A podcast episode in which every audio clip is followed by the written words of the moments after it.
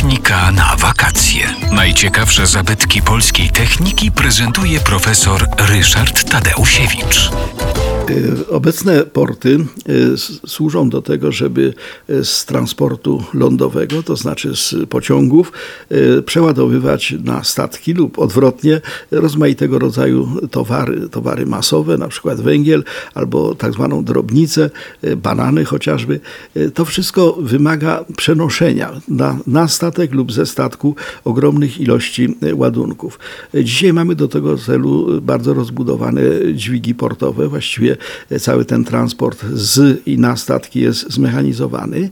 Natomiast w średniowieczu ten e, trud załadowywania i rozładowywania statków e, opierał się na ludziach. Byli tragarze, którzy na własnych barkach, na własnych plecach e, no, nieśli te, te rzeczy, które trzeba było przenieść ze statku lub na statek. I wobec tego w dużych portach no, zastanawiano się nad tym, jak tą pracę tych tragarzy usprawnić. Chodziło przede wszystkim o szybkość, dlatego że e, statku przy nadbrzeżu portowym do, dość drogo kosztował. Bez tego szybkość rozładunku tego statku czy załadunku e, to był czynnik e, również e, ekonomiczny. I wobec tego w większości portów powstały tak zwane żurawie, specjalne konstrukcje zbudowane w postaci wieży kamiennej z dobudowanym odpowiednim elementem drewnianym, które pełniły rolę takiego dźwigu, dźwigu do załadunku i rozładunku statków. W większości portów europejskich te żurawie się nie zachowały, no bo to były e, rzeczy z XIV-XV wieku. Natomiast w Gdańsku mamy taki żuraw gdański, właśnie jest to największy dźwig e, portowy całej średniowiecznej Europy. Był on zbudowany w 1442 roku i poza tym, że no, ma swoją funkcję taką już czysto techniczną, e, to został bardzo pięknie zbudowany w stylu takiego gotyku flamandzkiego.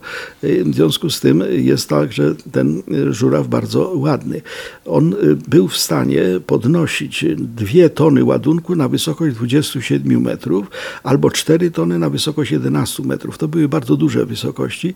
On był zresztą na tyle y, właśnie wysoko podnoszący, że używano go również do stawiania masztów na statkach. W momencie, kiedy no, był statek i był maszt, no to ktoś musiał ten maszt w tym statku osadzić. Właśnie robiono to przy pomocy tego żurawia. Y, Co ciekawe, napęd tego żurawia y, to był za pomocą tak zwanych kół deptakowych.